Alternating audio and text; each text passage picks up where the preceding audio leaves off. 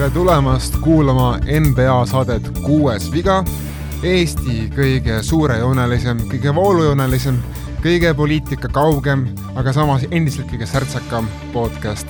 täna teiega Otto, Oliver, Olgo, lisaks on ka Ardo. This is gonna take some time now. Meil on Henri Sipra ja Erki Saksing. Rastet, Rostet, tere! nii äh,, möödas on nüüd juba ütleme nii, niisugune kolm-neli nädalat NBA tänavuse hooaja avavilest ja alati on hea, et äh, kui noh, kui sa kohtad uut inimest, sul tekib esmamulje temast, samamoodi on ka NBA tiimidega, et me näeme kolm-neli mängu ära, tekivad niisugused suured esmamuljed, nagu te kuulsite eelmises saates, nüüd on aeg teisteks muljeteks. Äh, oleme näinud natukene tiimi rohkem, endiselt on veel natukene võib-olla vara, et teha suuri ja hästi põhjapanevaid järeldusi kõigi tiimide ja mängijate kohta, aga siiski üht-teist juba tegelikult saab, saab ju üsna rahumeeli väita. Ja hakkamegi pihta, et äh, mehed, küsin, küsin teilt kõigilt kohe alustuseks, et äh, mis on niisugune üldine remark või üldine kommentaar, mida te tahate öelda praegu NBA mängustiili või üldse mängude kohta? alustame Henrist no mis seal salata, ega peame ikka rääkima sellest reeglimuudatusest, mis me vist isegi esimesel äh, podcastil võtsime nagu jutuks, et mis see võib muutma hakata ja no päris palju räägitakse sellest, et ja seal on ka fakte juures, seal on palju arvamusi, aga sealt on hakanud võib-olla mingi dünaamika välja jook-, jooksma. mis sa arvad sellest, et Harden, James Harden, Bradley Beal, Damian Lillard ja Trey Young võtavad kõik äh, mängu kohta keskmiselt umbes neli-viis vabakat vähem kui muidu? kas see on hea mängule? Äh, seal äh, mängule, ütleme nii, et siit Euroopa poolt vaadates ma arvan, et see on hea. aga sealjuures paistab olema, et just mängijad, kes hästi palju neid äh, lõikeid sisse teevad hästi agressiivselt, et ne-, nendele on selge vahe, et nad peavad nüüd natukene hakkama muutma oma võib-olla mängustiili, võib-olla ka koh-, kohtunikud natukene kohanevad selle asjaga ja natukene? natukene. mis natukene, nalja teed või? Et... sina, sina ütle, Otto, mis kuupäev meil täna on, kui me kommenteerime seda? üheksas november. nii Henri kommenteeris Brooklyni mängu äh, Torontoga, Torontoga kaks päeva tagasi. mina kommenteerisin eile öist Pulsi vastu. mõlemad me nägime sedasama rõlgust ja kohtunike vile vaikis, see, see on olukorrad, kus mängija läks ise viga tegema, ta ei läinudki palli püüdma, ta läks viga tegema, Hardenit takistama ja vile vaikis.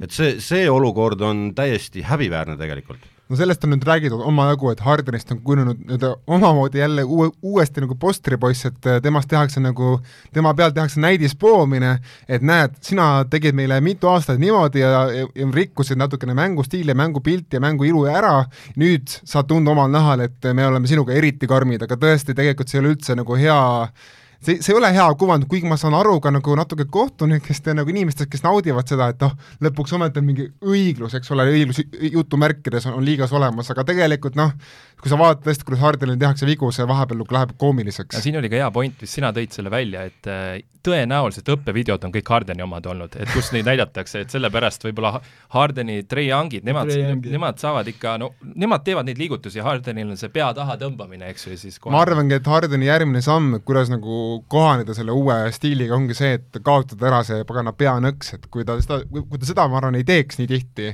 siis ma arvan, tal hakatakse neid vilistama neid vigu ka ära, mis on noh, õiglased. Aga vastaspoolt jah, et Ardo Pointile nagu, kuidas need sidumised on hiljuti olnud ja just see Gary Trent Jr võttis lihtsalt ümber kinni ja mitte mingisugust vilet ei tule. no jaa, aga eile öösel Blake Griffin raius lihtsalt üle käte talle, risti üle käte, mis ei olnudki, ta ei läinudki palli püüdma, ta raius üle käte, et viga ära teha, et Harden ei saaks viskele minna ja vile vaikis et äh, mõlemalt poolt tegelikult oli kummaline olukord, kus noh, üks tahtis teist takistada veaga, selge, jäi Griffin vaatama ja no Harden läks täiesti pöördesse, sest ei saanud enam mitte midagi aru, mis ma nüüd tegema pean siis, kõik võivad nüpeldada mind nagu tahavad või, et vile vaikib ju. aga üks hea point on sealjuures, mängud on natuke lühemad et no natukene reklaamipausid ja need time-out'id muidugi annavad kõvasti aega juurde. Erki, sina oled meil kogemustega NBA vaataja juba mitu-mitu aastat vaadanud NBA-d, et kas see, see mäng, mis, mis sa praegu näed telekast ja ekraani, ekraani tagant, kas see meenutab sulle üheksakümnendat kuidagi yeah.? Või nullindaid Te? tegelikult mitte, sest et mäng on nii palju muutunud, et äh, aga just kaitse poolest, ma pigem mõtlen, mitte rünnaku poolest. no üheksakümnendatel oli no, no defense, et äh, siis sisuliselt ei olnudki ju kaitset, et äh, nüüd ikkagi NBA meeskonnad mängivad meeskondlikku kaitset, et äh, mitte küll, mitte küll loomulikult nagu Euroopa kaitse, aga, aga noh, see on öö ja päev. Say what? Nonii, kas aga... meil on esimene saak tulemas? ei no aga täna öösel oli üks asi, mis üheksakümnendaid ikkagi natukene meenutas salvestuspäeval, et Jokicil seal natukene noh, sõitis üks härra kodanik, mis seal oli, Markif Morris vist. aga ausalt öeldes nagu oli ka aeg, oli ka pagana aeg, et Markif Morris ja Markus Morris ja Patrick Beverly ka saavad lõpuks tunda omal nahal seda, mida, mida nemad teevad kogu aeg teistele, no pagan võtaks oh, et see oli üks esimene, kui, kui mitte noh, sellest lähiajaloost ma ei mäleta, et oleks tagasi kohe saanud, et mäletame Luka Dontšitsile, kui jala peale astuti ja siis oli ju mitu päeva niimoodi, et nii ei tohi, nii ei tohi, vaibus ära jälle kuni järgmise korrani, aga seekord nüüd väga konkreetselt jäädi Serbia rongi alla. Ja me mees nüüd räägib, et on seljatrauma või ma ei tea, seda võib-olla teeskles. kaelatrauma. ja, ja aga noh, sa nägid ise seda noh, videot ja siis seal oli ju selge, et see vend teeskles seal põrandal. ta ja. ju vahepeal võttis käed silmade eest ära ja vaatas, mis teised teevad. tegi Luis Figot natuke. jah, et see oli päris rõlge vaatepilt, et äh, pullile tehti pullit või näidati, kes, kes on siin kaks-kolmteist pikk nagu ja kes ei ole. ja, ja, ja noh, vastus oli see, et, et uh, I want my mommy, eks. ja füüsikaseadused võidavad ja,. jah, jah, jah, jah. mind isiklikult selle intsidendi juures häiris kõige rohkem see, et äh, Jimmy Butler läks nagu väga käima. no et, temast saab aru ka natuke, ta on, ta ongi niisugune kuumavereline mängija, kes, kes tahab kaitsta oma mehi, aga seda küll. aga jah hea küll, Henri, Ardo, kas sul mingi üldine kommentaar või üldine mõte, mis sa nagu näed mängudes praegu kommentaatori ja fännina? Me praegu ei räägi meeskondadest. ei, nagu lihtsalt võib-olla NBA-st laiemalt. no tõstataks selle palli teema korra üles või? no tõstame. tõstatame äh, ja siis ma langetaks selle uuesti maha, et äh, te olete professionaalsed korvpallurid, see pall on sama ümmargune, ta on äh, samasugune, nagu see teine oli materjal on teine, aga ta kaalub sama palju, ta lendab samamoodi. materjal on vist isegi sama, aga see, kuidas see pall kokku pannakse, vot see on teine tehnoloogia. Nad nõuavad seda nahast palli ju ikka. Pukker ütles nii, et äh, pallilt pallile erinevus on suurem, et tema hinnangul, et no see lihtsalt see, et palle pole sisse mängitatud NBA-s ja ma arvan, et see on lihtsalt niisugune ajaga kohanemise küsimus, et see ei ole see, et nagu oli aastal kaks tuhat ma nüüd, ma nüüd jään praegu selle täpse aasta kätte, et ühesõnaga üks aasta äkki kaks tuhat kuus ja seitse või viis, ühesõnaga, kus prooviti seda sünteetilist palli, mis rikkus kõigil need sõrmed ära ja siis kiirelt loobuti sellest. Äh, jah, see oli kaks tuhat kuus ja aga ma ütleks nagu selle peale, et see, see Wilsoni pall nagu, see on, kõigil on ühesugune et äh, ja. on, on äh, kõikidel viiel mehel, kui see tema kätte jõuab, on ikka samasugune, et et ei ole vist mõtet nagu päris aga üks asi, mida ei saa ära unustada, meeste käte suurused on erinevad ja, ja need, kes valdavalt ütlevad, et äh, see on nagu, nagu neile imelik, need on väiksemate kätega tagamängijad. Et no seal... Steph Curry muidugi ütleks sulle, mis asja sa räägid. noh, tema ütleb jälle, eks ju. ja Steph Curry ka pärast eilset õhtut vähemalt. jah, aga mingi statistiline teema, mis üldse väike valim on praegu, nagu me ütlesime, me ei saa suuri järeldusi teha, palju neid nüüd on olnud, mingi kümme mängu, kümme mängu umbes, eks. et äh, selle valimi pealt äh, need visked, mis on nagu sügavalt visatud, ehk siis sealt logole lähemalt, kuigi me mäletame ka ilusaid logoviske, mis on sisse läinud, äh, sealt kaugemalt siis on läinud vähem sisse, nagu terve selle NBA põhiselt. Nojah, Lillard on endiselt tema üksi veab seda alla, eks ju okei okay,, Erki, sul on selle... ka mingi mõte või?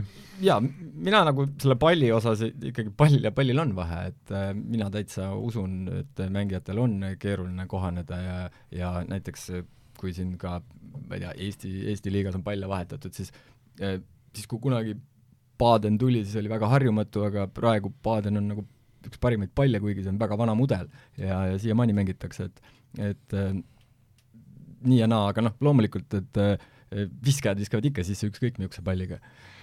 Jah, ma arvan, et see palliteema võimegi siia jätta, ma ütlen oma, ma ütlen omalt poolt veel seda, et äh, mis on minu arust nagu mitmekordistunud mingi niisugune nähtus, on siis see, et kuidas tehakse neid äh, kiirrünnakutes vigu. Et äh, need, need nii-öelda take foul'id, mis on need ameeri-, inglise keeles, et nagu nende arv on nagu kasvanud tohutult minu arust ja ma arvan, et see on ka järgmine reegli muudatus, mis tehakse NBA-s ära, et see muutub natuke fiibalikumaks et saad vabaviske ja palli taga. Morris vist üritas ka seda take viga teha, aga noh, ma ei tea, ma ei, ma, ma ei usu. võib-olla see pa-, kogu see palliteema ongi Wilsoni ja Spalding, Spaldingu vaheline kes, kes, Vestman ja Piibeleht, et äh, lihtsalt pööratakse no, natuke oli ka see vormivahetuse see sponsor vist, kui Nike tuli, mäletate, ka oli see vist mingisuguse fiibriga või selle materjaliga mängiti ja siis oli see kuulus moment, kus Lebron rebis lihtsalt varrukad ära. aa, nende mingi... varrukatega särgid. ja, ja, ja, ja et seal on neid, neid nüansse on ennegi olnud, aga need asjad ju väga ruttu kaovad ära, et need klapitakse ära ja kui ma saaks kolmkümmend milli aastas korvpalli mängimisest, minu pärast võivad need Hiina kummipallid ka olla selle pärast. seda küll, jah, rahasummad on õiged. ja noh, nagu ikka, ma vaatasin siin just hiljuti ka ühte väga statistilist analüüsi NBA kohta ja siis seal oli üks, no ühesõnaga üks matemaatikakuru tegi, tegi mulle selgeks, et äh, alati iga, iga hooaja alguses ongi see, et mehed viskavad kehvemini kui hooaja keskel ja hooaja lõpus et äh, ühesõnaga, võtame ette tiimid, võtame ette mängijad äh,, palu-, palusin teil no, võtta mingisugune tiim ette, kellest te tahate rääkida siin, kellest teil on tekkinud hea teine mulje või siis halb teine mulje, alustame seekord siis Erkist. Ma alustan Clevelandiga, sest et kui me tegime seda kolmekümmet julget ennustust ja, ja sai öeldud, et Cleveland saab äh, rohkem võite, rohkem võite kui siis äh, Läksime väga kiiresti üle. jaa, ja, ja, ja Cleveland on väga-väga äh, suur üllatus mulle, et äh, ma olen kahte poolt, kahte ja poolt nende mängu näinud ja, ja ülla-, nagu me eelmises saates rääkisime ka, et et kolmiktorn, kolmiktornid, kellest noh, Markanen on küll hetkel vist Covidi kaudis, aga, aga jah, väga hästi mängivad. No Cleveland on praegu siis, kui me salvestame seda saadet, nad peaks olema seitse-neli, võit on seitse, kaotusi neli, aga eile tuli uudis. üks suur kaotus tuli neile juurde, Sexton, Sextoni menisk Colin Sexton on tõenäoliselt mõneks nädalaks või kuuks isegi väljas või noh, võib-olla ka kauemaks. võib-olla isegi kauemaks, et see hakkab kindlasti mõjutama seda mängu ja tagaliini komplekteeritust. ja lisaks tegelikult neil tuleb kohe-kohe ka väga brutaalne niisugune kalendri, kalendrigraafik ette, et neil on päris palju mänge Lääne konverentsis ja vaatame, kas nad, kas nad peavad vastu sellele Äh, kas Cleanendist toob ka mingi mäng eraldi välja? Äh, no mulle meeldib see Rookie Mobli, et äh, ta ei ole küll nagu otsene liider meeskonnas, aga, aga ta teeb nii palju, ta teeb nii palju asju, ta teeb kõike sisuliselt ja ja, ja kuigi eelmine kord rääkisime, et Markanil viskad ei kuku, siis tema oma pikkusega kolme peal toob sellist nagu uudsust, et teda on, teda on raske katta, et lühemate meeste vastu läheb pukki ja pikematest on ta lihtsalt kiirem. kellega sa teda võrdleksid? Markaneni? ei, ma mõtlen Moblit äh,. Mobli meenutab mulle isegi natukene võib-olla Noort Garnetti. aga, aga noh, ta ei ole nii plahvatuslik mm -hmm. loomulikult. veel, veel ei ole? jaa veel seda, eks see, eks, eks see selgub, aga, aga ma mõtlen just nagu eh,, kuidas ta liigub seal, ütleme, keskpositsiooni ja perimeetri lähedal mina arvan, et see, mine tea, see Sexton loomulikult tekitab väikse augu, aga ma arvan, et äh, ar arvestades, kui hästi on Ricky Rubio hooaega alustanud ja kuidas ta kolmest viskab järsku, no võib-olla ongi hea, et Rubio saab rohkem minuteid ja, äh, ja Garland saab ka rohkem minuteid ja saab oma vormi, vormi paremini kätte. no Otto on teada-tuntud mitte Sextoni väga suur austaja. aga Rubio austaja on ikka? no Rubio ma... ja Garlandi, ta on Garlandi austaja. jaa, ma olen Garlandi austaja, Garlandi aga Garland ongi päris hästi mänginud võrreldes Sextoniga, et Sexton no Kaire on lihtsalt parem söötja, ta lihtsalt on, mängib rohkem ajuga minu arust kui Sexton, no Sexton pingutab hästi palju, aga noh, see on nagu, see on niisugune mõnikord niisugune, ma ei tea, kus see pingutus läheb. ma ei tea, minu, minu sümpaatia Sextoni vastu puudub eh, sellest ajast, kui ta proovis eh, ühes intervjuus eh, Lebroni rääkida, et, et jää ikka Clevelandi ja me teeme koos kahekesi suuri asju, et et no, Lebron... see oli see kolm, kolm nädalat, kus nad olid samas tiimis ja, vist, jah? jah, no hea küll, Henri, mis on sinu tiimid ja mängijad? Äh, võtsin natukene fookust siin, kuna Toronto mäng oli ka mul, siis äh, Toronto tundus niisugune päris huvitav, et seal on niisugune noort talenti ja, ja seal, mis me siin kõik oleme välja toonud, et kui mõni mees hetkel ei mängi, siis on võimalik seal kaks null kuus ja pikemad mehed panna väljakule ja et ikka väga niisugune ja kus vaatad ka need, kuidas need noored nagu kaitses mängivad, Netsi suutsid lukku panna mängus nagu, et Nets ei teinud mitte midagi mingi hetk ja see oli vist teine veerand nende mängus. poole, poole nad kaotasid. E, esimene poolaeg nagu tuli Toronto võitis. Toronto võitis, eks ju, seitsme punktiga midagi siis ärkas James Harden ellu. siis ärkas James Harden ja Durant ka siis mõtles, et ma ei saa saa mingi alla kümne punkti veerandis visata, et, et siis tuleb hakata toimetama, eks ju. aga seal on jah, see härra Banton ja ma hakkasin kutsuma teda härra Bantoniks või härra Panton või kuidas kutsuda, eks ju.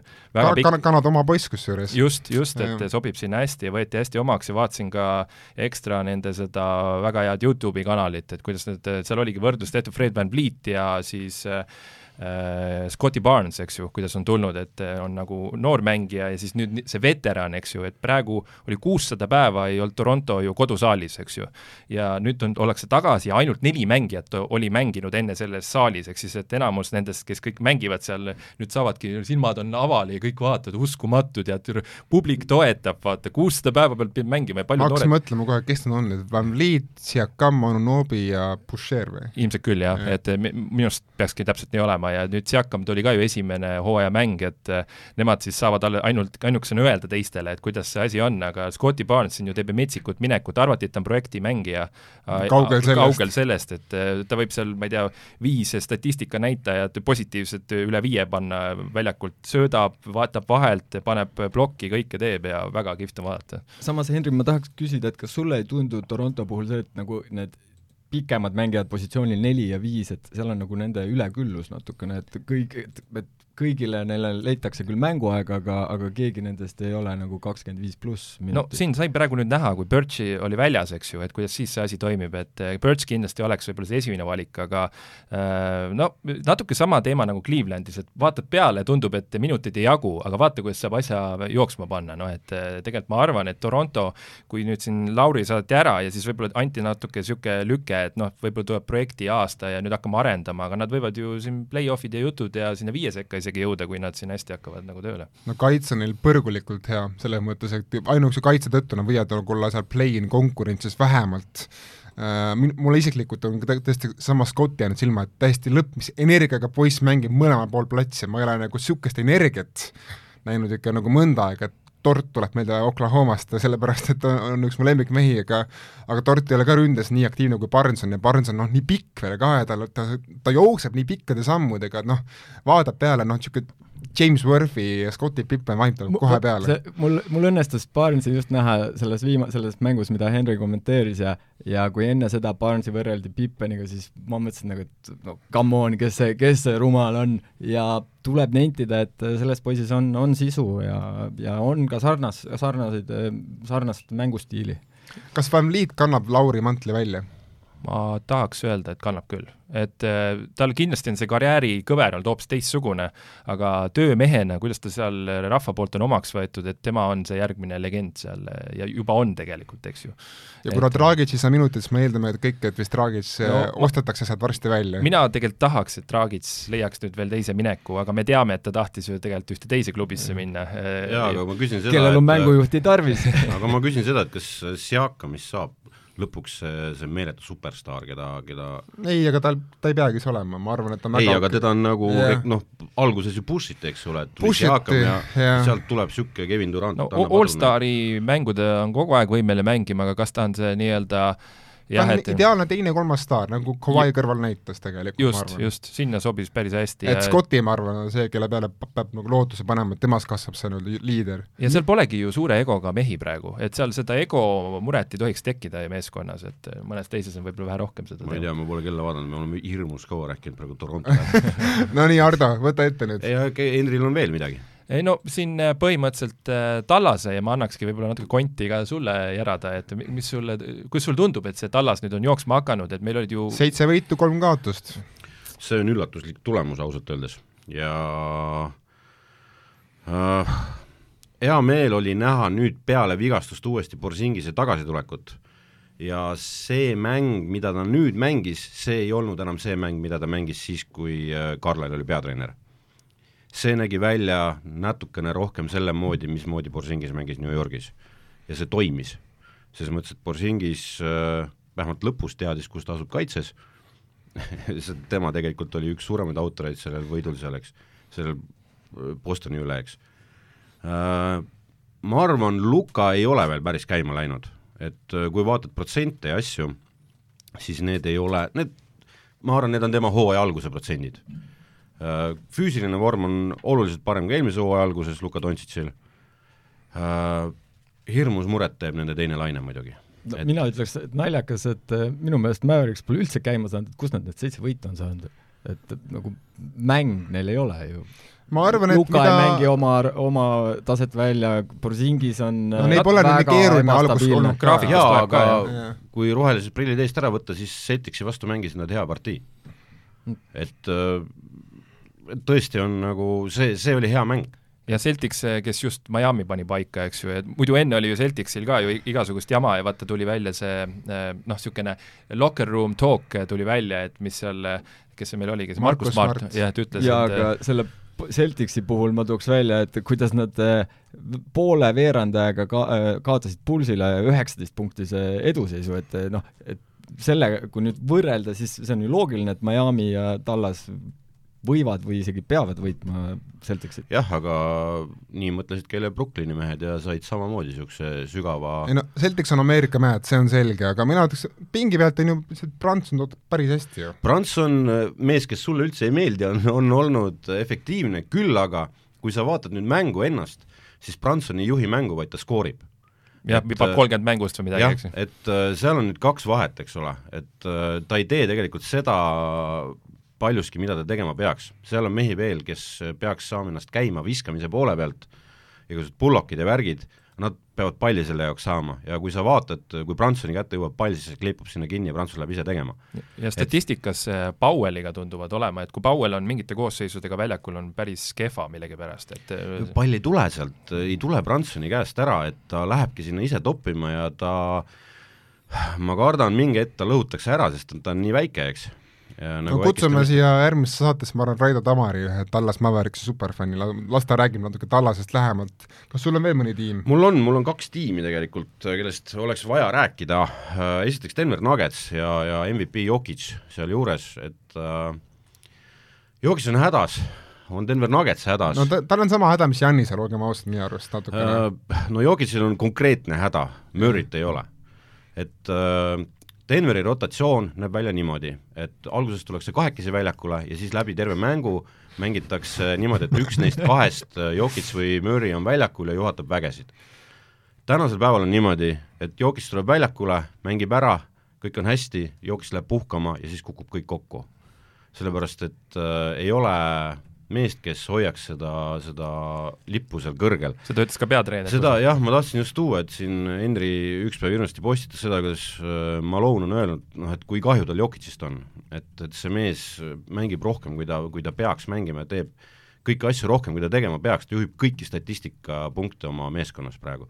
ja, ja teine asi on see, mis Mike Malone'i ütluses eriti murelikuks tegi, oli see, et ta ütles, et Jokic on jõuludeks otsas, kui niimoodi edasi läheb ja mis siin nagu salata äh,, Campazzo ei kanna välja oma positsiooni. nojah, ma just mõtlengi, et äkki peaks kutsuma järgmisse saatesse ka mingi kuidagi, kui mahutama siia ära, siis ka mõne Euroliiga eksperdi, kes nagu seletab lahti, et miks Campazzo NBA-s ei saa hakkama, võib-olla võtame mingi pro-, produtsent Siim Semiskari siia mikri taha, et las ta natukene kaitseb, kaitseb, kaitseb, kaitseb Argent, Argentiina vanameistrit. jah, siin ongi nagu küsimus selles, et äh, nüüd sai vigastada ka Porter Porter, jah, Michael Porter Jr sai seljale viga. ja on igavene häda, sellepärast et nüüd toodi Green äh, algviisikusse eile. Kumb? Jamaical. ei, Jeff. Jeff, ja, ja kolmas probleem, mis sealt selle teise lainega tuleb, on see, et neil pole keskmängijat tegelikult, keda panna teises laines väljakule. mängib Jamaical Green keskmängija koha peal praegu, mis on absurdne, see vend on puhas neli ja, ja ei pea maadlema korvi all. täiesti nõus, et eelmise, eelmistel aastatel oli Plumlee, kes andiski täpselt selle kümme minutit, mida Jokic vajas. Mägi oli ka vahepeal, aga jah, Paul Paul ei ole arenenud selleks mängijaks. Paul Paul tahab ära vist sealt, ma olen kuulnud ka. et no Paul Paul tahku mis tahab, aga, aga praegu on probleem Denveril ja ja, ja see probleem on tõsine, mulle meeldib Denver ja mulle meeldib Jokic ja, ja minu jaoks on, on nagu väga kurb seda, seda jama vaadata, mis toimub seal teises laines, sest et tõesti mängupilt puudub.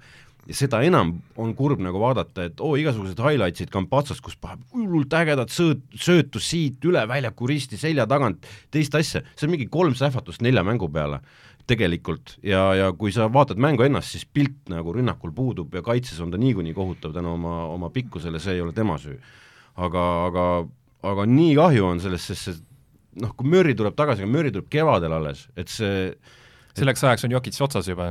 no Jokic on ammu enne otsas, ma kardan, et äh, ta, ta mängib üliökonoomset korvpalli enda jaoks nagu, aga aga nagu Malone ütles, et, et noh, vennal kukuvad käed rippu, kui, kui minnakse kaheksa pool minutit on veel minna, eks ole, neljandat veerand aega ja siis minnakse juba Jokici juurde, öeldakse, kuule, nüüd on aeg nii, oleme nõus, Nuggetsiga on küpse, kui, kui seal mehed ei hakka tootma ja, ja ei hakka seal söötma, kes on teine tiim? New York Knicks ja jälle negatiivne teema, et äh, Knicks äh, on play-off'is praeguse seisuga. jaa. see on, see on väga positiivne. Knicks on äh, võitnud meeskondi äh,, kellega on niisugune fifty-fifty, fifty-sixty seis on ju, ja on kaotanud meeskondadele, kellele nad ei peaks ealiski kaotama. et äh, see on ohumärk ja mis kõige kohutavam, Knicksi kaitse on ära kukkunud.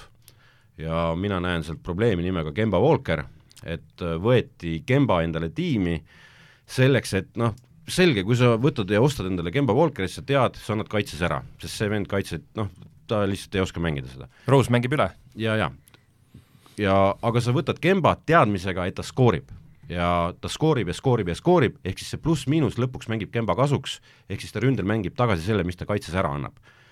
Tänasel päeval Kemba Walkeri keskmine on kaksteist koma kaks punkti mängus. aga visketabavus on tal väga hea nelikümmend kaheksa protsenti kolmest oli vist viimati, mis on ikkagi väga-väga hea. võrreldes Charlotte'i aastatega on see ta vist üritab seda Bostoni probleemi natuke vältida, kus ta lahmis peale ja kogu aeg läks mööda, et siis võib-olla et tegelikult on ju Nixi, Nixi rünne on tegelikult praegu, ma vaatasin erinevate reitingute järgi NBA top kümnes jah, aga et... kaitse on täiesti see, mille, mida nad eelmine aasta põhijooajal tegid, eks ole, see, see meeletu kaitsemäng ja nende probleem oligi rünnak ja play-off äh, saigi nagu hukatuslikuks, play-off'is sai see, et äh, pall, kogu rünnak seisnes selles, et pall jõuab rändli kätte. ja kas siis nüüd äh, sellele idakonverentsi mustale hobusele Knicksile saabki saatuslikuks see, et nende playmaker ei suuda normaalset pallikaitset ja survet anda? ei, ma arvan, et see toome Elfrid Peitoni tagasi, sinu lemmik. ei, ei, ei, ei, Elfrid Peiton on Otto lemmik esiteks.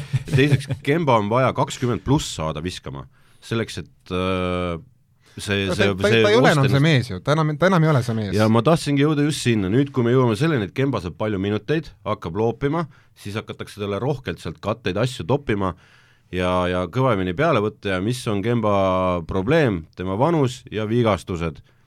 et ma kardan ja läbimurret kui... ka tal tegelikult ju ei ole ta, ta läbimurre seisneb praegu selles, et ta jookseb kattes sisse ja siis tagurdab sinna vabaviskejoone juurde ja võtab sealt oma viske. ta tegelikult ei ole käe alla väga enam roninud.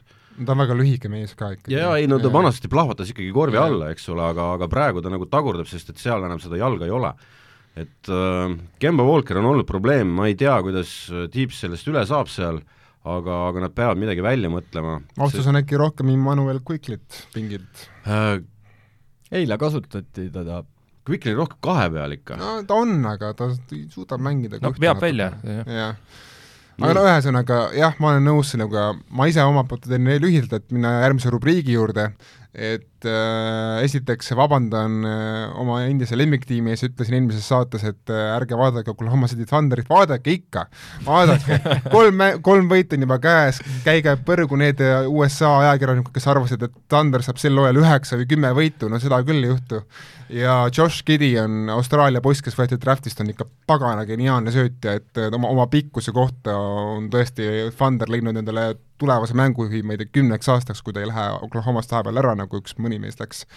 et äh, ühesõnaga, Thunder on tore tiim, aga mida ma tahtsin rääkida põhjalikumalt äh,, varastame mingist teisest rubriigist praegu natukene minuteid, on siis see, et äh, Golden State Warriors on praegu NBA tippklubi äh, mina ei oleks seda oodanud, ütlen ausalt, et hooaja alguses neil on olnud võrdlemisi kerge graafik ka, noh, seda peab tunnistama, aga no need rollimängijad, kes võeti, on ületanud mu ootusi, kindlasti mõne, mõni isegi mitmekordselt, äh, ma pean silmas Bielitšat ja, ja Gary Payton kahte, äh, ja praegu on seis selline, et ega mina arvan, et see rünnak neil on sustainable ehk siis nagu jätkusuutlik, neil on nagu niivõrd palju variante, kes saavad kõik süsteemist, peatreeneri süsteemist hästi aru, küll aga ma ei tea, kas nende no, top viis kaitse, mis praegu neil on, on nagu jätkusuutlik, et seal ma olen natuke kahtlevam, et no ühesõnaga, Treimond on hea kaitsja, aga ma teisi, teisi mehi nagu äh, niivõrd äh, lugu ei, ei pea võib-olla. kas ei või see juhtuda, et kui tuleb nüüd Wiseman, äh, ma ei tea, mis tal see just, ja see on see suur X-faktor ja mis saab siis, kui Wiseman tuleb tagasi, et äh, ja noh, ja, ja ka Clay Thompson, just, et kas läheb üldse paremaks. et, et kas Jordan Poole, kas tema nagu see praegune hea mänguvorm ja see kuum käsi, kas ta natuke jahtub maha, sest Clay tahab oma puuteid saada, oma viskeid saada, et no eks me näe. aga samas, kui mõelda selle peale, et Clay tuleb, ma ei tea, sujuvalt tagasi, selle meeskonna nagu rünnaku neljas variant on Andrew Wiggins ja Wiggins pole üldse halb mees neljanda variandi kohta, ta on ikkagi neljanda mehe kohta ikka väga hea väga variant. et äh, selles mõttes äh, mina hakkan jälle uskuma Warriorsi, et pagan võtaks, meil on tegemist tiitli, tiitli favoriidiga. no me siin mängisime ka, et kui, kui asjad lähevad nii, nagu peavad või me arvame isegi läheb paremini, kui me arvasime, et nad võivad ju seal läänes isegi finaali jõuda ju, et see oli meil, viskasime, ja Wisemaniga on ka see, et isegi kui ta nagu ei tule hästi taas, et noh, ei, ei klapi meestega nii hästi, siis tegelikult noh, saab mehi, saab ta natuke mängitada G-liigas, saab natukene anda talle nagu episoodilisi minuteid, Weissmann G-liigasse no kõlab, mine tea, on ju. mis asja? või siis nagu teed vahetused Weismaniga, no no vot ühe täpselt seda ma olen. Ottoga täiesti nõus, et see Wiseman, kui ta ei ole nüüd äh, arenenud ja ta on samasugune ja nagu eelmisel aastal, siis äh, ongi G-liiga koht ja kogu lugu või siis otsitakse treidi. Jah, ühesõnaga vaatame, mis sellest Wisemanist saab ja kuidas ta hakkab seda Wa- Warriorsi mängu seal all mõjutama, aga praegu see, mida tehakse väikeste meestega Green tsentris, Looney tsentris, Juan Toscano Anderson tsentris, Bielitsa tsentris, see pagan võtaks, see töötab ja see töötab kenasti. Warriors on tagasi see Warriors, kes ma nägin kaks tuhat viisteist, ütleme nii, enne kui Durant tuli. ja Clay Thompson ütleks selle peale, et you ain't seen nothing yet. jah, täpselt. ja, ja selle salvestuse öösel pani just Curry viiskümmend. jah, no maailma parim viskaja, pole rohkem kommentaare, aga lähme OpTibeti ennustuste juurde, mõned siin on meil, meil sariennustajad, mõni on tegelikult vähem ennustusi, mina tegin viima-, noh, alates möödunud saates täpselt kaks ennustust, panin siis eile öösel, et oleks millegi, millestki rääkida, panin kümme eurot Minnesota peale, kes muidugi kaotas, nagu Minnesota ikka veab ootusi alt, ühesõnaga olingi loll, et seda tegin. aga samas lisaajale see mäng läks, nii et ei olnud väga kaugel ka ja oleks saanud kolmkümmend eurot sealt tagasi, kui oleks läinud täppi.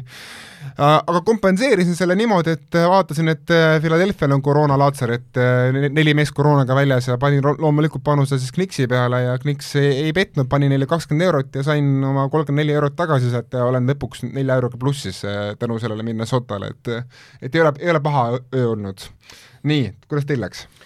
äh, erinevalt sinust panustasin ka mina ühe teise New York Knicksi mängu peale ja see läks bussi kõik, palju sa panid siis? kolm kõva kolm eurot ja, ja see ühesõnaga, ma olen plussis endiselt, mul on sada seitse praegu, pluss sendid on peale mul, aga noh, siin me jõuame kohe meie oma panustamist Bill Gateside peale siin, kellel on niisugused summad juba arvel, et minul ja Ottol peaks piinlik olema siin ruumis üldse istuda, et äh, jaa, ma pärast seda hakkas nagu mul käsi niimoodi värisema seal, et ma rohkem ei panustanud ja vedas kusjuures, kurjam vedas, sellepärast et üks öö ju keegi sai rikkaks igatahes, kes panustas õigesti nendele nõrkadele meeskondadele, kui olid meeletud koefitsiendid ees, siis keegi korjas sealt jõhkra kopika, mina see kahjuks no. OpTibet natukene seal pidi siis välja maksma, aga no pole hullu. ja okei okay,, no rääkige siis Bill Gates, palju sul on? mis Ma- on teie eduvalem ja mis, kuidas te panete Henri, palju kontol on? Äh, mina olen üks nendest, kes äh, tegi neid pikaajalisi, mul on äh, selliseid äh, aastavahetuse peale, ma panin juba mingeid mänge paika, mis palju sul raha on? Äh, praegu kontol on mul viiskümmend ja viiskümmend on juba investeeritud ja olen pannud ka võitjate peale ja olen ka siin konverentsi võitjad ja asju välja võtnud ja kasutasin neid päris julgeid ko koefitsiente ära. kurat, on täitsa rott ju. Henri ei ole üldse rikas okei, Erki no Henri saab peale aastavahetust rikkaks, aga no- nüüd Bill Gates isiklikult, palun. no kuna eelmine, eelmises saates ma ei olnud üldse selle asjaga kursis ja ei, ei ennustanud midagi ja siis eh, tegin ka hooajapanuseid ja, ja kuulasin ilusti Otto ja Ardo sõna, ehk siis panin, panin hooajaennustuse, et eh, Charlotte ja, ja Memphis on play-off'is ja Cleveland on play-off'is, et see- need on need on oi. minu investeeringud vara, pikema, vara, vara, vara pane Clevelandi peale. pikemaajalised. ja see oli enne Sextoni seda teemat, eks ju, see ja, Cleveland ja, ja, ja need olid, see oli meie esimese salve, peale esimest salvestust, ei, siis kui ma tagasi tulin ja oma esimesed ennustused tegin, sest varem ma ei saanud äh, teha. ja seal oleks teinud isegi selle, selle, praegu nüüd on juba raskem teha, eks. Aga ma teen siis nüüd OpTibetile reklaami, et mul on kontol kakssada viisteist eurot. Kus sa pagan, ja kahe, kahekordistanud juba, nii me et siin arvame, me eks-, NBA eksperdid Aga- siis Erki lihtsalt paneb kõigi Aga- aga ma pean- ärge unustage, et tal on äh, hooajapanused on kuskil ka veel sealt ära. kolmkümmend eurot kuskil on No hooajapanuste ehk siis peal ehk siis reaalselt äh, on- Warriors äh, peab saama lääne finaali vähemalt ja, ja siis seal on veel siin saame selle riigieelarve defitsiidi ära katta sinu hooaja lõpus ei ole selle defitsiidi, mine meie kõik maha mängime, mängib Erki üksi tagasi siin. samas, samas ma pean tegema ka äh, ausa ülestunnistuse, et äh, mu konto seis oli mingil hetkel äh, kümme eurot.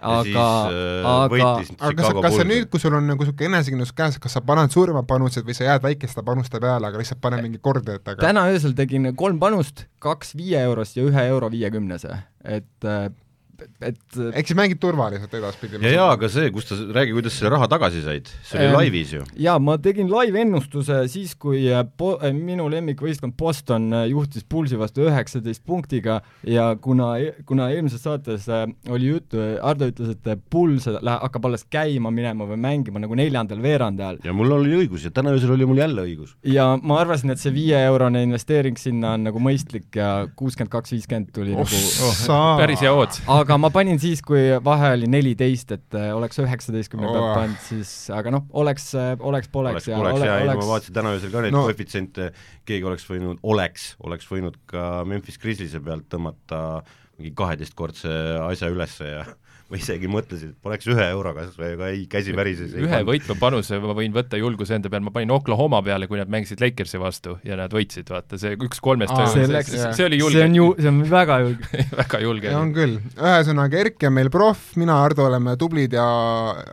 Henri ootab mul praegu käsi väriseb, et ma pean natukene julgust nüüd koguma. jah.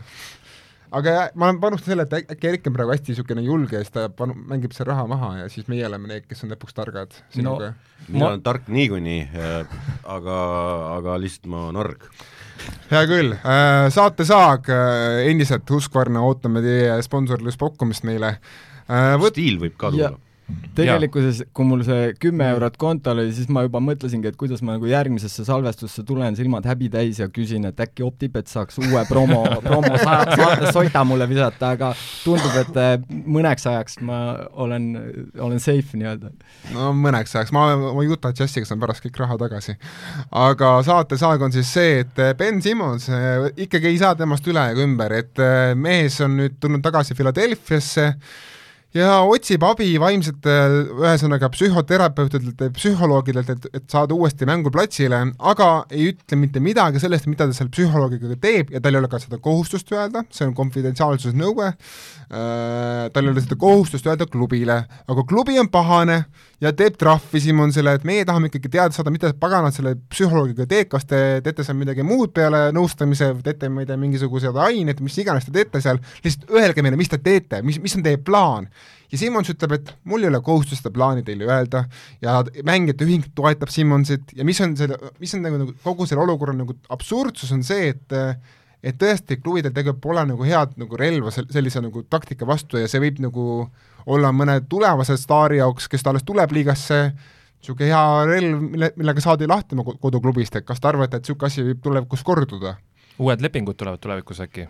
mingid et klauslid? ühesõnaga, tegelikult see on ilgelt jama olukord ju just nagu väikese turuklubide jaoks, kus ma ei tea, noor talent tahab saada, ma ei tea, glamuursemasse linna ja siis hakkab niisugust nagu jama korraldama, ütleb, et mina ei, ei saa vaimselt mängida, mul on, ma ei tea, vaimne ebakindlus on nagu pekkis just peale suure lepingu saamist.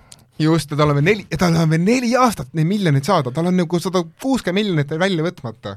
et noh, siin ongi küsimus, mida, mida teha, mida me teeme, mida teha? väga raske, kõik vaatame üksteisele otsa, et kellelgi Ben Simmonsi numbrit on, et mina seda Simmonsi asja vaatan üldse, mina ja ilmselt ka paljud äh, fant-, fantasy korvpallimängijad ja, ja jälgijad, et äh, Simmons, Simmons on suur küsimärk, et äh, ta, ta peab tulema tagasi, aga, aga millal ja, ja, ja kas tal hakkab siis nagu rahast kahju, ma ei usu, okei aga ma ma, annan teile parema küsimuse. mida te teeksite Daryl Morina, kas te lihtsalt jätkaksite trahvide maksmist lootuses, et see nagu lõpuks motiveerib Simmonsit ikkagi platsile naasema, samas see ei keela Simmonsi lihtsalt platsi peal noh, ma ütlen otse nagu, otsesõnu jama korraldamist, et, et nagu anda ikkagi sõnum edasi. Sam-, samas kas, kas teile ei tundu, et, et see Simmons võib nüüd üsna lähiajal tagasi tulla, sest et äh, see tegelane, kes teda lasteaia lapseks kutsus, on ju hetkel Covidiga väljas, ehk siis, ehk siis ta saaks nüüd tulla tagasi justkui liidrina. ei, ei, Ei, ei, tal, tal pole seda respekti Wow, seal, seal, seal Doc Rivers endiselt juhendab seda, seda fännid ka ei armasta teda vist äh, enam. praegu on, ma arvan, Daryl Moore'i kurat, ta tahab nii kõrget hinda selle mehe eest saada, see on absurdne, mida Daryl peab Jalen Browni küsis, küsis See on ta ei küsinud Jalen Browni, ta küsis kogu kuradi Bostoni meeskonda selle vastu. et see oli absurd, tahtis Smarti ja kõiki asju saada ja siis Ben Simmons vastu nalja teete, Jalen, nalja teed või? ei, selles mõttes, et ma arvan nagu, ma ei tea, see kogu aeg on niisugune mulje, et see, ta, ta ei taha teda ära anda ja sellepärast küsib absurdseid asju, et näidata ei no Mori on öelnud, et tema ei tee ühtegi diili, mille puhul ta tunneb, et see kahjustab kuidagi tema tiimi väljavaateid tiitli võitmiseks. ja ta arvab, kui ta saab tagasi nagu karja rollimängijaid, mitte nagu staari, siis tema, tema tiimi šansid on kehvemad kui Simmonsil aga hetkel on ju olukord, et kui ta vahetaks Simmonsi ära, see ju tõstaks võistkonna tiitlišansse märgatavalt. praegu ju Philadelphia'l halvasti Philad ei lähe. Philadelphia'l ei lähe halvasti ja teine asi on see, et ükskõik, kelle sa Simmonsi vastu saad praegusest seisust, siis justkui sa lähed ju paremaks, sest et sul ei ole, sa saad lihtsalt ühe mehe juurde. sa saad viskava mängija. või mitu meest. no viskava, istuva, mis iganes sa saad sealt, aga, aga sa saad mingi venna juurde, kes on tõenäoliselt äh, sulle sobib aga sa noh, ma ütlen, et küsimused on nii absurdsed olnud, Otto, see on, sinu lemmikmees mänedžeri toolil on absurdseid küsimusi esitanud, mis toimub, Otto? No mina arvan, et see on lihtsalt see, et äh, Philadelphia ei, ei tunne praegu mingit pinget, sellepärast neil läheb nii hästi praegu sel hooajal, et äh, Embiidiga on see mäng nagu avanenud, praegu kui Embiidi ümber on ainult viskajad, siis noh, see Philadelphia'l on noh, Embiidile öeldakse, et võta pall ja mine, et ühesõnaga, kui sa saad kaksik nagu katte, sööda pall Steph Curry'le tuleb kolmene, eks ole. Äh, et ühesõnaga, ma arvan, neil pole praegu mingisugust survet peal ja ma arvan, nad ootavad, nad ootavad seda, et Damien Lillard või siis keegi kolmas inimene äh, on tüdinud oma klubis, äkki on see üldse Carl, Carl Anthony Towns, kes, kes on jälle Minnesotas jälle mingisuguse kaotusstreigi lävel, lävel, eks ole, et ühesõnaga nad ootavad ikkagi seda õiget diili, et tekiks parem šanss teha niisugune kolme meeskonna diil või nelja meeskonna diil, kus on siis nagu ka šanss saada tagasi keegi niisugune poolstaar kas või noh, niisugune CJ, mitte CJ, aga no ma ei tea, no kes see inimene on. aga sellest kõigest on võitnud Maxi, eks ju, praegu? jaa, Cyrus Maxi, Philadelphia mängujuht on selle, selle võimaluse ära kasutanud ja ta on ka tulevane Philadelphia Seven Sixersi mängujuht või mitmeteks aastateks. jah, aga alati võib juhtuda, et nad lähevad Oklahoma City jutule ja sealt tuleb kes? Aleksander. ei, ei tule, lõpeta ära. Aleksandril on pikk, pikk ja kallis leping. Oklahoma ja ei, ei, kuulge, Oukis, Oukis siia ära, nalja teed või? sellest on räägitud. jaa, sellest on räägitud, on need inimesed, kes ei saa üldse aru Oklahoma City Thunderi loogikast, nad, nad, nad okei okay,, ühesõnaga ja, jaa, aga samamoodi see... noor staar noorist, noore staari vastu, aga üks vähemalt mängib nagu. aga ma vaataks küll, kuidas läbi miks räägivad Presti ja Mori. miks peaks Presti tahtma Simmonsit Shea Gilgus Aleksandri vastu, mis on see, mida teeb Simmons paremini, mida Shea ei tee? kaitset mängib. no neil on aega seda kaitset parandada seitse aastat tänase seisuga noh, seal on ka teine asi, mis aitab sul särke müüa, eks, ja, ja, ja nii edasi, kuskilt pead vahepeal raha ka teenima, et Simonsi särgid küll ei müü. särgid, jaa, jaa, jaa. okei, ühesõnaga, me tegelikult ei tea ka, mis Simonsist saab, loodame, äkki Mare Bork, Eesti tuntud psühholoog, tuleb sinna appi ja aitab selle Simonsi uuesti platsile, tahaks seda austraallast ikkagi platsil näha, sest tegemist on ikkagi kolmekordse allstari ja hea talendiga. kusjuures ma Aga... enne, kui ma siia sõitsin täna, siis ma mõtlesin äh, nende teemade peale, kui me enne rääkisime Denver Nuggetsist, siis ma mõtlesin oma peas, mida Nuggetsil oleks praegu pakkuda, et saada see Simmons sealt kätte. Porter Junior äh,. Hai-, no vigastatud, aga sai lepingu, ehk siis see oleks midagi nagu potentsiaalikat see tasandaks see tasandaks nagu, aga nad võivad küsida väga kõrget hinda ja ma kardan, noh, sellele ei kirjuta Nuggets alla, sest nad ootavad oma Murry't tagasi. jah, nii, läheme edasi. millest, millest me tahame rääkida täna? täna tahtsime rääkida siis Miami Heatist jaa, saatetiim Miami Heat, õige äh,. Miami Heat, ida, idakonverentsi üks liidritest äh,, mängib ideaalset korvpalli nii ründe poolel kui ka kaitse poolel, mõlemas siis äh,, mõlemal pool platsi on top viies peaks olema. kui see Bostoni mäng välja arvata? kui see Bostoni õnnetu mäng välja jätta Uh, neil on siis uh, praegu ideaalselt kokku töötav nelik, Kyle Lauri, PG Tucker, Jimmy Butler ja Bam Adebayo, aga just kaitse poolel ja ründe poolel siis uh, noh, toodab, toodab seesama nelik koos siis Tyler Hirroga platsi pealt, pingi pealt tähendab, toodab ikka ka kulda. ja siin on, siin on ka hea niisugune moment, mis ma nagu kõrvalt, see tuli täiesti juhuslikult selle reeglimuudatusega, et üks tiim, kes sellest reeglimuudatusest on kõige rohkem võitnud, on Miami Heat no kindlasti, nad mängivad nii füüsilist kaitset, et neil, neil on see vesi veskile. ja noh, kui tuleb ka niisugune meeskond nagu PJ Tucker, kes noh, ründel noh, ei tee enam mitte midagi, ütleme ausalt, aga kaitses me noh, paneb kogu oma ihu ja, ja higi mängu, siis, siis loomulikult see no, Tuckeri nurgas see üks koht on äh, on ikka või on, on või? ma ei ole kindel, et kas vasakul koht... või paremal vahet ei ole, peaasi, et nurgast saaks. aga kas see, kas see on ikkagi, ma ütleksin, et see nende kaitsemäng on jätkusuutlik, aga kas see rünnak on jätkusuutlik?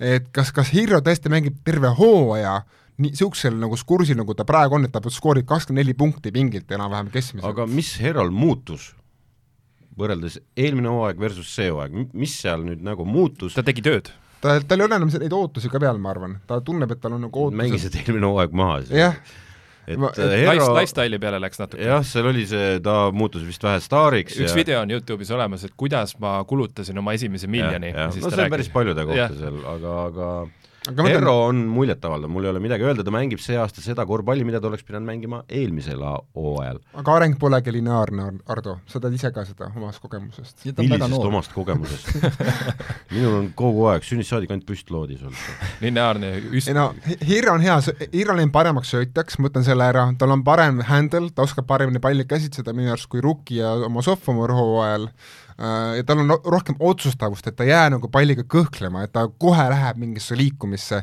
asi, mida ei tee praegu hästi Duncan Robinson, kes on nende starter. et seal võib isegi mingi muutus toimuda. ma seda ei usu, ma arvan, et Duncanit ikkagi noh, tal lastakse algviisikus olla, küll saab küll see poiss saab oma käe kuumaks saada. Herro ise ütles ka, et nagu peas on tal see muudatus toimus juba, et talle sobib kuuenda mehe see roll praegu väga hästi. aga samas, kui sa vaatad nagu Hero tagant, seal ikka pole mehi. Et Markif Morris, no sorry, aga minu arust juba kaks aastat läinud hiljaks selle liigast välja minek, mille, minekuga. eriti peale täna öös, öist jah, noh. Dwayne Dedmon, kes on niisugune no nii ja naa niisugune varutsenter, seal on mingi no sai-, Max Truss, kes on praegu vigastatud, kes on niisugune uus hiiti, niisugune projekt G-liigast tulnud ja no ma ei tea, no kas te näete nagu, et see sügavus on piisav, et, et, et nagu teha peavalu, ütlen nii Netsile, et Paxist praegu ei ole mõtet rääkida. jaa, aga nad roteeruvad äh, niimoodi, et seal algviisikus, vaata, on neil äh, ütleme, algkuusikus siis on äh, päris head nimed ja, ja Spo ei ole lihtne vend. ei, Spo on NBA jaoks kõige paremaid jaa, jaa, absoluutselt, ma olen sellega nõus aga ma arvan, nad mõtlevad mingi suhteliselt hea rotatsiooni välja selliselt, et kogu aeg on päris kõvad kämblad seal koos äh, nende kehvemate pingipoistega siis väljakul ja see ei kuku ära nagu, et see ei kuku ära, pluss okei okay,, sa rünnakul ei ole enam see mees, mis sa kunagi olid või mis iganes, on ju, kaitset oskavad kõik mängida ja Spo oskab neid kõiki kaitseid mängima panna. et äh, ma viskan järgmise asja õhku siit selle Miami Heatiga, Jimmy Butler for MVP, jah. see on niisugune raske, Steph, raske. Steph Curry praegu et kas ta, kas tema mäng lööb nii palju esile, vaata. kusjuures ma vaatan tema numbreid ja nagu lööb, selles mõttes, et see ongi nagu väga kummaline, et Jimmy Butler paneb numbreid lauda nagu. me teame teda töörügana, ta teeb palju musta ja nii edasi, aga numbrid on hakanud nüüd olema olemas, et et me räägime kakskümmend viis aga Butler on ju mees, kes on iga hooaeg natuke vigane ka, minu arust on ta, ta on alati mingi iga hooaeg niisugune mingi kuu aega, kus ta on niisugune noh, bängd up, eks ole. jaa, aga noh, mees, kes nii, jaa, jaa, aga seal ongi see, et mees, kes saab ennast niimoodi nagu nüpeldada. ja kuidas Lauri jalad siin on, et on ka siin juba alguses vasak hüppeliiges? ei no Lauri on väga hea, Lauri, Lauri on pannud selle tiimi jooksma, see tiim jookseb koos Lauriga nii, nagu nad pole kunagi varem jooksnud mis sa minu otsa nüüd vaatad, selles mõttes ei, kaitses jookseb ja Lauri pani selle asja nüüd, võib vaadata, igasuguseid analüüse on tehtud, et parem kui eelmine aasta nagu. aga muidugi, kui Lauri ära läheb, siis tuleb niisugune aeglane, metoodiline, niisugune mõnus mäng tuleb tagasi, kus Butler lihtsalt üks-ühele rahulikult toimetab ja paneb, paneb ära ka. raiumine. kas on mingeid ohukohti Miami Heati, mis te näete peale selle sügavuse probleemi? Äkki ongi see vanuse küsimus, et kuidas seal mehed vastu peavad, et noh, ei ole nagu kroonilist mingisugust sellist noh, kui nüüd Butleri teema, et tal üks kuu on võib-olla niisugune, kus ta on bängd up, see tema mängustiilist tulenev, eks ju, aga jah, et pigem võib-olla see rosteri sügavus, eks ju, et kas nad seal otsivad mingit vahetust veel siin hooaja sees? kas te ei karda, et ikkagi see uue, no ma ei tea, ühesõnaga NBA, okei okay,, natukene on tempo raugenud võrreldes eelmise kahe hooajaga, aga tempo on ikkagi metsikult kõrge. kas, kas te, kas te arvate, et see tiim on liiga vana ikkagi lõpuks, et PJ Tucker, kes on kolmkümmend, ma ei tea, kolmkümmend kuus ja Lauri, kes on kolmkümmend neli, et ühesõnaga nende jalad ei kannata põhihooaega välja? no see mure on rohkem Lakersil ja Netsil Lakersil kindlasti, sellega ma olen nõus. Netsil? Netsis on ka väga vanad mehed koos. no mõned on, jah. seal ei ole nad nii võib-olla kandvatel positsioonidel seal, et Millsapid rotatsioonimängijad tõstavad seda keskmist vanust. jah, aga vaatasin eile, kuidas Aldrich mängib nagu teine noorus. jah, ta on arvan, uus süda. ma mõtlesin ka just sellesama asja peale, et mis nad seal tema pumbaga talle sinna sisse söötsid, et see lööb tugevamalt kui kunagi varem vist, et äh, Aldrich on väga muljetavaldav praegu. Need sise muidugi ma ei saa aru, mik-, miks äh, kuradi päralt see mees ei alusta ja alustab mingit Blake Griffin no need ise veel otsib oma kohta rünnakul erinevalt Miami Heatist äh, Lähme viimase nurga juurde, niisugune Eesti nurk, et äh, ühesõnaga meil käis külas Moskva CSKA ja mis me sul nägime, isiklikult. no mul käis ka külas. käisid kodust läbi, loomulikult äh,, lõin Kenneth Faridiga patsu ja, ja õnnitlesin, õnnitlesin teda selle puhul, et ta Rauno Nurgeri, Nurgerile alla jäi äh,. Ühesõnaga, kas meil on sellest mängust midagi õppida, kas Eesti poisid, Eesti mehed on paremad mehed kui endised NBA mehed või tegelikult on see üks mäng ja VTB liigas juhtub kõike? julgust peab olema, noh, seda, mängida ja seda julgust me oleme näinud ja nüüd ju Stelmachersil on äh, vist kaks-üks CSKA vastu, kolm korda mängitud, kaks korda võitnud, et väga kõva saldo ikkagi. et jah, et noh, siin Ardo juba ta, oli valmis ka vajutama, et noh, mis, mis sina arvad? millest siis täpselt no, no.? selles mõttes, et see küsimus ise on nagu ju... nii jabur, ütleme niimoodi, et äh, noh, VTB liigas juhtub, praegu CSKA-l juhtub igal pool, et äh, on, on päris õnnetu seeria neil käsil.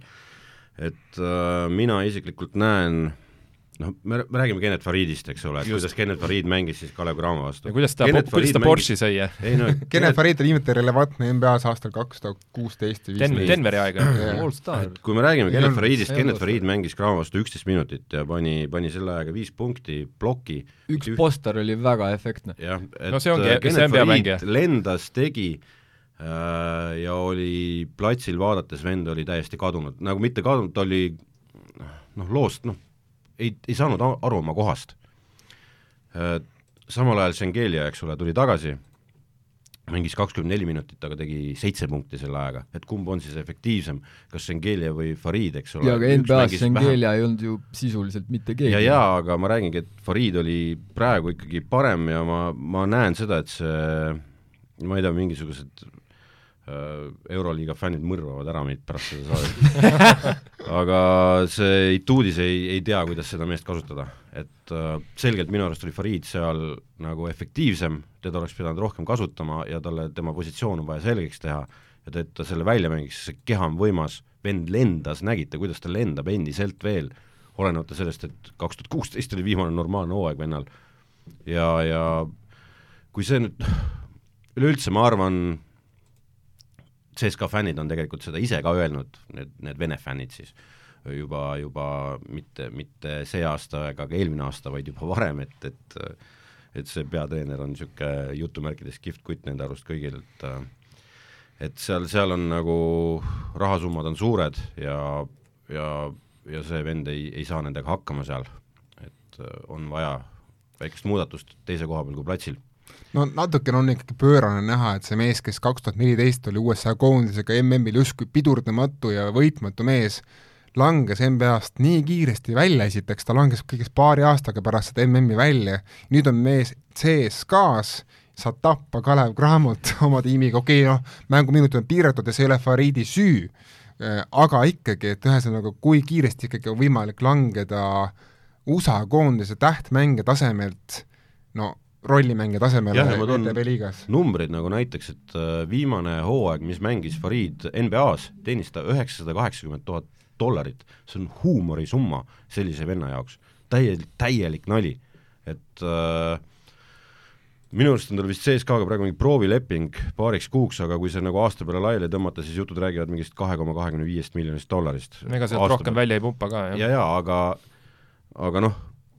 üheksasada kaheksakümmend tuhat Faridi eest nalja teete, et see et on, tal on laene rohkem. et ma arvan küll jaa, et, et tal on kuukulu suurem, et no ühesõnaga, mina, minu soovitus CSKA-le on see, võtke Nurgeri tiimi, Eesti poiss väärib küll juba seda teete Krahmost ära läheb või?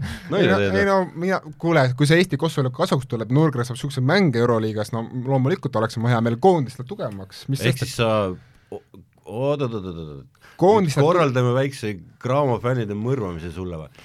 selles mõttes, et sa tahad, et Cramol läheks sitasti ja Eesti koondisel hästi, niimoodi või? just, ahah, jaa, aga Eesti koondises oleks ta ju teine tsenter.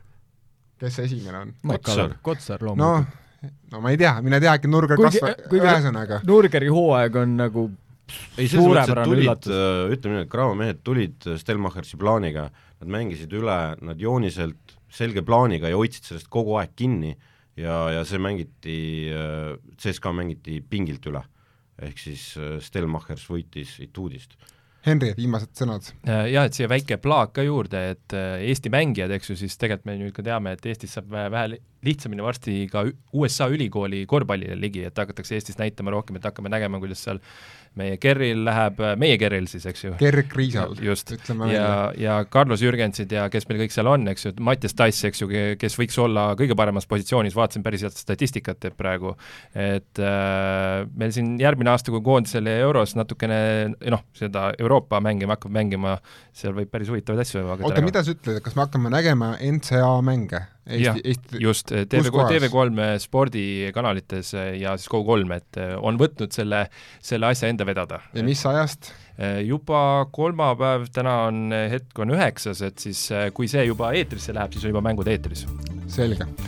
Selle uudisega lõpetame, tõeline niisugune uudistepomm lõppu. aitäh, et kuulasite ja järgmise korrani! Head aega! head aega! Kuulmiseni!